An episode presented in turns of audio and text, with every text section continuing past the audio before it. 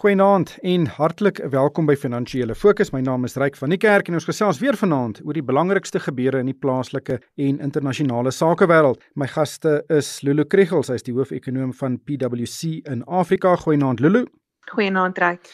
En ook Jaco van Tonder, hy is die hoof van adviesdienste by 91. Goeienaand Jaco. Goeienaand Ryk en goeienaand aan die luisteraars en Lulu. Dulu, kom ons begin by jou. Hier het 'n hele paar dinge hierdie week gebeur, maar een ding wat werklik vir my uitgestaan het is die aankondiging deur Unitrans dat hulle die Greyhound busdiens in Suid-Afrika gaan sluit. Greyhound busse loop al vir bykans 40 jaar lank tussen die groot stede en dorpe en dit het omtrent 'n miljoen mense elke jaar vervoer.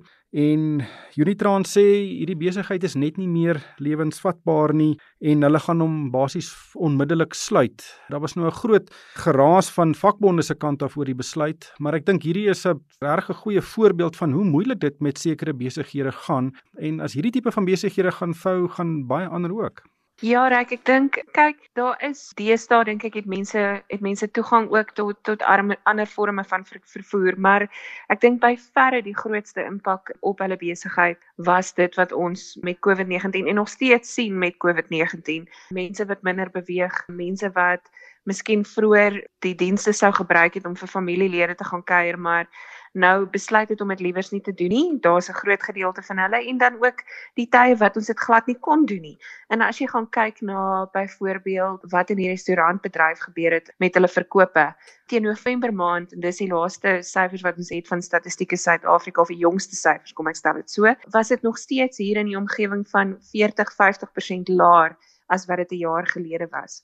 So die meeste van hierdie besighede maak net nie die tipe wins wat hulle in 'n posisie plaas om vir 'n langtermyn aan te hou om om hierdie tipe van besighede te ondersteun nie. En uh, ek meen ons om dit baie eerlik te wees, ons weet nie presies wanneer COVID gaan stop nie. Ons almal hoop dat die vaksines gaan help. Ons almal hoop dat dit die planne wat ons op hierdie stadium sien op 'n stadium gaan help, maar die realiteit is dit kan nog vir 'n jaar so aangaan, dit kan selfs langer wees wat ons met druk op op sekere sektore in die ekonomie nog erger as ander gaan sit.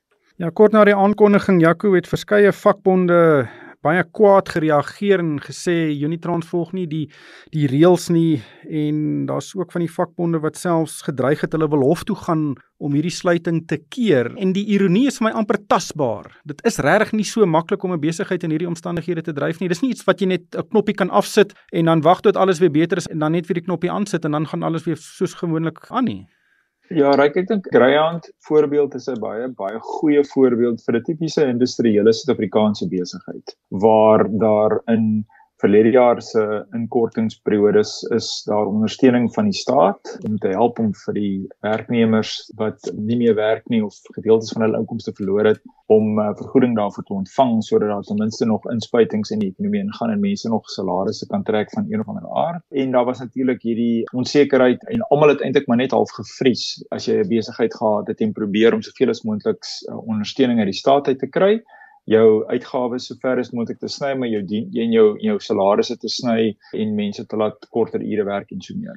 Nou, ek wil by Lulu aansluit. Ek dink wat nou verander het is ek dink mense het eintlik 'n beter idee oor hoe lank dit nou gaan neem vir COVID om ons te la, uh, te los. Ons het 'n redelike goeie indikasie nou van hoe gereël of hoe vinnig Suid-Afrika inentings gaan kry en ek is bevrees daardie boodskap is basies oor die verloop van die jaar en die inentings moet nog gebeur Ons inentingsprogram gaan vir die beste gedeelte van die volgende 12 tot 18 maande loop en die effektiwiteit daarvan is nog onder verdenking want dit die nie so seer oor die oor die inentings nie maar oor die uitrol daarvan en en die en staat se vermoë om dit suksesvol te kan doen.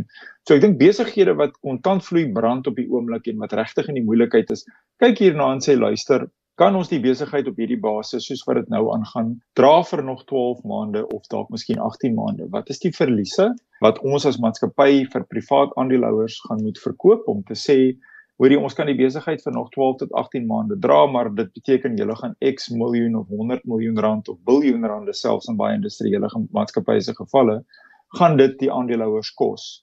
Daar's iewers 'n punt waar dit goedkoper word om die besigheid toe te maak en die bates te verkoop dis altyd 'n goeie idee om te probeer om die besigheid te verkoop as 'n lopende besigheid en en ek verstaan van Unitrans dat hulle probeer dit om 'n koper te kry om die besigheid te bedryf maar op 'n stadium raak dit dramaties goedkoper om net eenvoudig die besigheid toe te maak en die bates af te verkoop en dan op 'n latere stadium as daar wel weer 'n mark is wat terugkom om dan weer die besigheid te begin. En ek dink ons het vroeër wat ons oor hierdie gesprekspunt gesels het, het ons gesels ryk oor die konsep van strukturele inkortings in jou ekonomie. Hierdie is 'n klassieke geval van 'n strukturele inkorting. En dis die tipiese goed hierdie wat die staat wil vermy sover moontlik. Want soos jy sê, jy kan nie 'n besigheid toemaak en as die kondisies mooi verander het en positief gedraai het, 6 maande later maak jy hom weer oop nie. Dit vat jou 'n jaar of 2 of 3 om die besigheid weer op die been te kry. So Greyhound is 'n is 'n baie goeie voorbeeld van hoe hierdie strukturele inkortings in die praktyk gebeur en ek stem eintlik saam met die Unies, hulle is bekommerd en hulle is ongemaklik en hulle hulle hulle wil sover moontlik hierdie besigheid moet aanhou voortbestaan want hulle besef dat as hierdie werkers hulle posisies verloor het is die pad terug vir daai 700 mense om weer 'n werk te kry is baie moeiliker as die besigheid eers toegemaak het. So 'n baie goeie voorbeeld van wat eintlik in Suid-Afrika se industriële sektor op die oomblik besig is om uit te speel. Ja, ek is seker Unitrans sou nie baie wou gehad het as hulle die besigheid wou verkoop nie. Miskien selfs so min soos R1, hulle sou net weggegee het vir 'n ander maatskappy om dit hooplik net aan die gang te kon hou. Dit is die sluiting is seker regtig die laaste uitweg. Maar Lulu, kom ons kyk 'n bietjie na vaste investering in Suid-Afrika. Netbank het 'n navorsing bekend gemaak dat die direkte investering in die Suid-Afrikaanse ekonomie het 'n 30 jaar laagtepunt verlede jaar bereik en hulle het meet projekte wat groter is as 20 miljoen rand. Nou dis regtig nie 'n groot projek as dit net 20 miljoen rand is nie, maar hulle het sê hulle het net 32 nuwe projekte gesien in Suid-Afrika in 2020 en natuurlik sprei dit nou uit COVID-19 en kommer oor die ekonomiese vooruitsigte vir Suid-Afrika, maar nog steeds, ek dink dit is baie baie laer as wat mense sou verwag in hierdie omstandighede.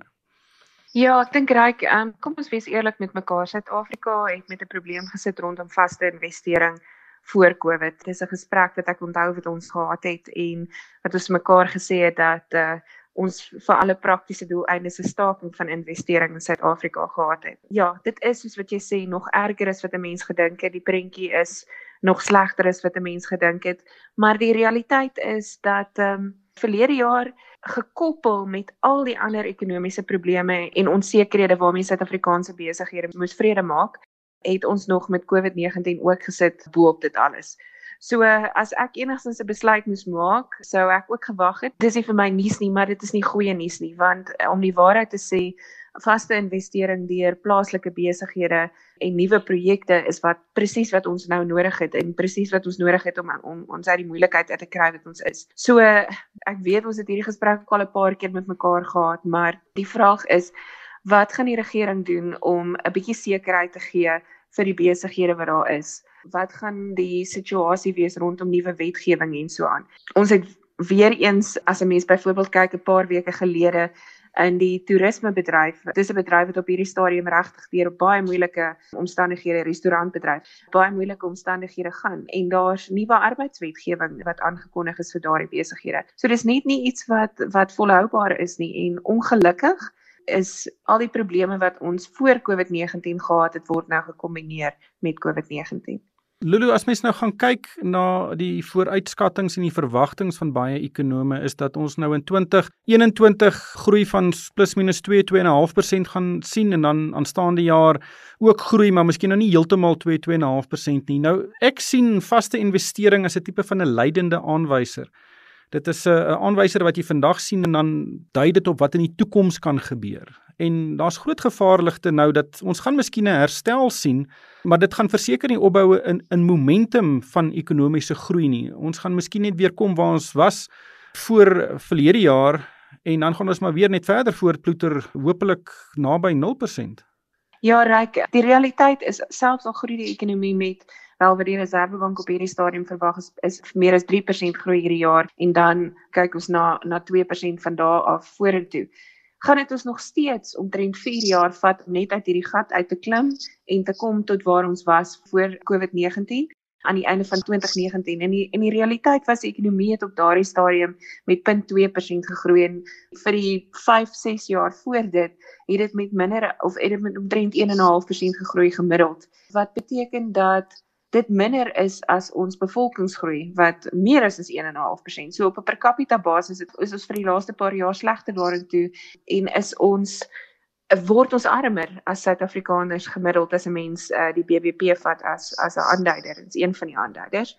So die realiteit is selfs al dit gaan ons ten minste 3 tot 4 jaar vat om terug te kom tot waar ons is en as ons dinge nie drasties anders doen nie, gaan ons ongelukkig weer op 'n plek kom waar ons was en as ekonom kyk ek daarna en ek sê vir myself dis nie waar ons wil wees nie. Nee, verseker nie. Jaco die mynbou en daarbey het ook hierdie week plaasgevind. Dit was 'n virtuele konferensie. Dit is tradisioneel die grootste mynbou konferensie in Suid-Afrika. Dit word altyd in Kaapstad aangebied en duisende mense van reg oor die wêreld uh, woon dit by. En dit het nou hierdie week digitaal uh, plaasgevind en een van die temas wat vir my uitgestaan het is dat die eksplorasie wat in Suid-Afrika gedoen word deur mynmaatskappye is ook op 'n rekord laagtepunt. Daar's net nie meer uh klein maatskappye wat gaan soek vir nuwe mynbougeleenthede in Suid-Afrika nie. Hulle daar's nie enige nuwe myne wat gebou gaan word in die afsienbare toekoms nie en dit het 'n baie langtermyn impak op ons ekonomie. En dit sluit aan by hierdie syfers van Netbank wat sê niemand is bereid om in Suid-Afrika te belê nie. Ryk, mynbou se probleme kom natuurlik ook soos meeste van ons probleme al voor voor Covid en baie daarvan dink ek het te doen met die beleid van die regering se kant af uh, rondom die uitreiking van die mynbou lisensies. 'n Mens moet uh, versigtig wees om om 'n jaar soos waarin ons COVID-19 gehad het se nommers te gebruik as 'n basis vir die toekoms want sekere aktiwiteite het vanweë COVID net eenvoudig drasties in duie gestort en mense verstaan dit. So ek is altyd versigtig om 'n syfer van 'n jaar soos 2020 te gebruik as 'n projeksie om te sê, weet, dit is hoe dit hierdie jaar ook gaan wees. Maar maar ek dink Suid-Afrika, ek dink dit is reg om te sê dat die staat het 'n massiewe hoeveelheid werk wat hulle hier moet doen en ek dink eh, die minister Mantas in die geval het het 'n groot werk voor om om om meer sekerheid te skep in die regsomgewing vir mynboumaatskappye om in Suid-Afrika te opereer. Ek dink ons het ons weet ons het uitgemis op die vorige groot kommoditeite uh bulmark, uh, grootendeels as gevolg van die feit dat ons nie 'n aantreklike ekonomie was om mynbou in te kom uh, beoefen het en prospekteer dit vir internasionale maatskappye nie. En daarom het internasionale maatskappye ja, weet in die laaste 10 jaar, 15 jaar gefokus op ander lande as Suid-Afrika wat ook goeie uh, hulpbronne het. En ons moet hulle teruglok en ek dink dit is die ook die funksie van die mynbou in Daba. En en ek dink daar ons het in die laaste jaar miskien bietjie fokus verloor op van die werk wat nog daar lê en wag vir ons. Om die regering het was grootendeels gefokus op die COVID verwante krisisse, maar ek dink dit het redelik vinnig teruggekom in fokus en daar was ook kommentaar van die president daaroor dat hulle die regsomgewing gaan moet vinnig regkry om projekte aan te moedig. Hierdie is 'n vinnige wen area vir Suid-Afrika. Daar's geen twyfel daaroor nie. Die minerale het nêrens heen gegaan nie. Dit sit nog onder die grond. As ons mense kan aanmoedig om prospektering te kom doen wat kan omsit in myne, is hierdie 'n vinnige groei area wat indien ons natuurlik ons Eskom elektrisiteitskrisis ook kan uitsorteer in die volgende 2 en 3 jaar kan mynbou 'n area wees wat 'n dramatiese inspuiting vir ons ekonomie gee en ek dink dis 'n maklike area want dis 'n area waarin ons in die verlede al sterk was en waarin ons baie goeie mense en vermoëns het. Ja, en veral in die konteks van die huidige hoë kommoditeitspryse wat ons sien, hier's 'n nuwe bulmark heel moontlik op hande en hooplik mis ons hom nie. Mens moet ook bysê Ford het dan ook hierdie week aangekondig hulle gaan 15 miljard rand belê in 'n nuwe aanleg daar in Pretoria en dit spruit ook uit die regering se ontwikkelingsplan vir die motorbedryf wat daar nogal ondersteuning bied. Maar Lulu, as jy gaan kyk na wat Jaco nou gesê het, die mynbou sektor bied geleenthede, wat dink jy moet gebeur en moet vinnig gebeur sodat die groot mynbase reg oor die wêreld begin check skryf en hier belê? Wel ek dink een van die goed waarna ons moet kyk is hoe ons en wat ons toelaat in terme van belastingtoegewings vir maatskappye wat lyk like, wat wat kyk na prospektering in Suid-Afrika. Ek weet onder andere Kanada en 'n paar ander plekke en ek's nie kenner op daardie gebied nie, maar het, het heel wat gedoen om mynbemaatskappye soontoe te lok en te sê maar prospekteer want soos Ja, ek sê die produkte is nog steeds onder die grond en ek dink dis een van die goed wat nêrens heen kan gaan nie. Ons is op ander vlakke is ons besig om mee te ding met soveel verskillende maatskappye, lande ensovoorts wat jy basies as jy gaan kyk na tegnologie besighede, hulle byvoorbeeld op enige plek kan sit. Maar as ons gaan kyk na iets soos mynbou, dit wat daar is, is dit wat daar is in, in onder die grond is is is waarna ons dis wat ons kan kan uithaal. So daar het Suid-Afrika 'n voordeel. So ons moet in die eerste plek prospektering weer opkry na vlakke toe waar dit sin maak. Ek dink ons het die laaste paar jaar ongelukkig momentum verloor daar En dan baie van die onsekerheid. Ons praat die kant toe, daai kant toe, dan sê ons so, dan sê ons so rondom wat in die bedryf gaan gebeur en wat ons gaan doen ek dink as 'n mens gaan kyk na ja, hulle gaan ook op hierdie stadium deur 'n moeilik deur moeilike omstandighede, maar 'n land soos Botswana byvoorbeeld, wat beter as ons doen is as jy gaan kyk na risiko's rondom investering in die mynboubedryf, baie beter as Suid-Afrika doen. Een van die goed wat hulle goed doen is om te sê wel, dis wat ons gaan doen en en daarbey hou hulle. En ek dink dit is ook bitter belangrik in die mynbousektor. Maar Jaco net laastens, Sasol het maandag 'n handelsverslag uitgereik wat taamlik positief was en uh, dit dui daarop dat die groep dalk 'n regte uitgifte kan vryspring. Die groep het uh, sy finansiële prestasie in die laaste 6 maande van verlede jaar was beter as wat hulle verwag het en hulle het ook 'n paar van hulle bates verkoop om hulle skuldlas te verminder. Nou alle oë is op Sasol om te kyk of hulle hierdie regte uitgifte kan vermy want dit beteken hulle hoef nie bykomende aandele uit te reik wat ander aandeelhouers se belange sal verwater nie. Die mark dink hulle het dit reg gekry sedert verlede Vrydag het die aandeleprys met meer as 30% gespring. Hoe lees jy Sasol se handelsverklaring en die moontlikheid dat hulle dalk nie 'n regte uitgifte hoef te doen nie? Ja, ek Sasol se tweede halfjaar die aankondigings rondom dit die resultate self is is eintlik dink ek eers die 22ste Februarie beskikbaar, maar die markaanduiding wat hulle gegee het was duidelik dat dit beter gegaan het as wat vorige aanduidings was wat uh, die bestuur van die besigheid aan die mark gelewer het. En en ek dink dit is maar 'n baie goeie geval van as ons nou kan net vinnig terugkyk wat met die vorige finansiële jaar gebeur het. Prasasol het daai totale amper nie woorde kry daarvoor vir hoe swak die resultate in 2019 was nie as gevolg van groot deels die afskrywings by die groot chemikalie kompleks wat hulle in die FSA bedryf vir die sogenaamde Lake Charles Chemicals projek wat hulle 'n enorme bedrag geld gekos het in die vorige jaar gelei het daartoe dat hulle basies 'n 90 miljard rand se verlies aangekondig het tot die mark. So wat in sulke omstandighede gebeur as jy met sulke slegte nuus na die mark toe gaan, sal die die uitvoerende hoof en die en die raad normaalweg in die herstelplan alle slegte moontlike nuus deurgee in daai een nou. So jou as jy 'n slegte jaar gaan hê, maak dit 'n ordentlike slegte jaar. Dis tipies wat wat die bestuur van maatskappye doen. Hulle sal alle risiko's wat hulle kan vind in die besigheid probeer kwantifiseer en dit probeer afskryf teen die balansstaat of die inkomste staat om vir aandeelhouers basies 'n realistiese posisie te gee, maar 'n posisie van waar jy kan vorentoe gaan en weet dit behoort nou beter te gaan van hier af. En dis presies wat Sasol gedoen het. So hulle daardie al die slegte goggas wat in die besigheid gesit het bymekaar gevat, gekwantifiseer en daadwerklik daaraan begin werk. En ek dink hulle het 'n goeie stukkie werk ingesit en die resultate daarvan is wat ons nou sien. So hulle het die uh, aanvanklike aanduidings vir die mark gegee op wat hulle dink die verdienste sou wees. Ek dink hulle het goed gevaar in die kostebesparingsarea want hulle het maar nog steeds 'n paar onverwagte items gehad wat hulle kant toe gekom het in 2020 as ons dink aan al die orkane wat hulle in die FSA gehad het rondom die Lake Charles kompleks en hoe dit hulle geaffekteer het en natuurlik die laer oliepryse. Maar ten spyte daarvan het hulle hulle kostes bittergoed bestuur soos jy sê 'n paar bates verkoop en ek dink eh, teruggekom na die mark toe met 'n baie goeie storie en ek dink die mark effens onkant gevang want almal het gedink dat COVID 'n baie groter impak gaan hê. So ja, dis goed om te sien dat 'n besigheid so Sasol 'n uh, slag goeie resultate het en ek dink mense moet vir die bestuur gelukwens met die werk wat hulle daar gedoen het.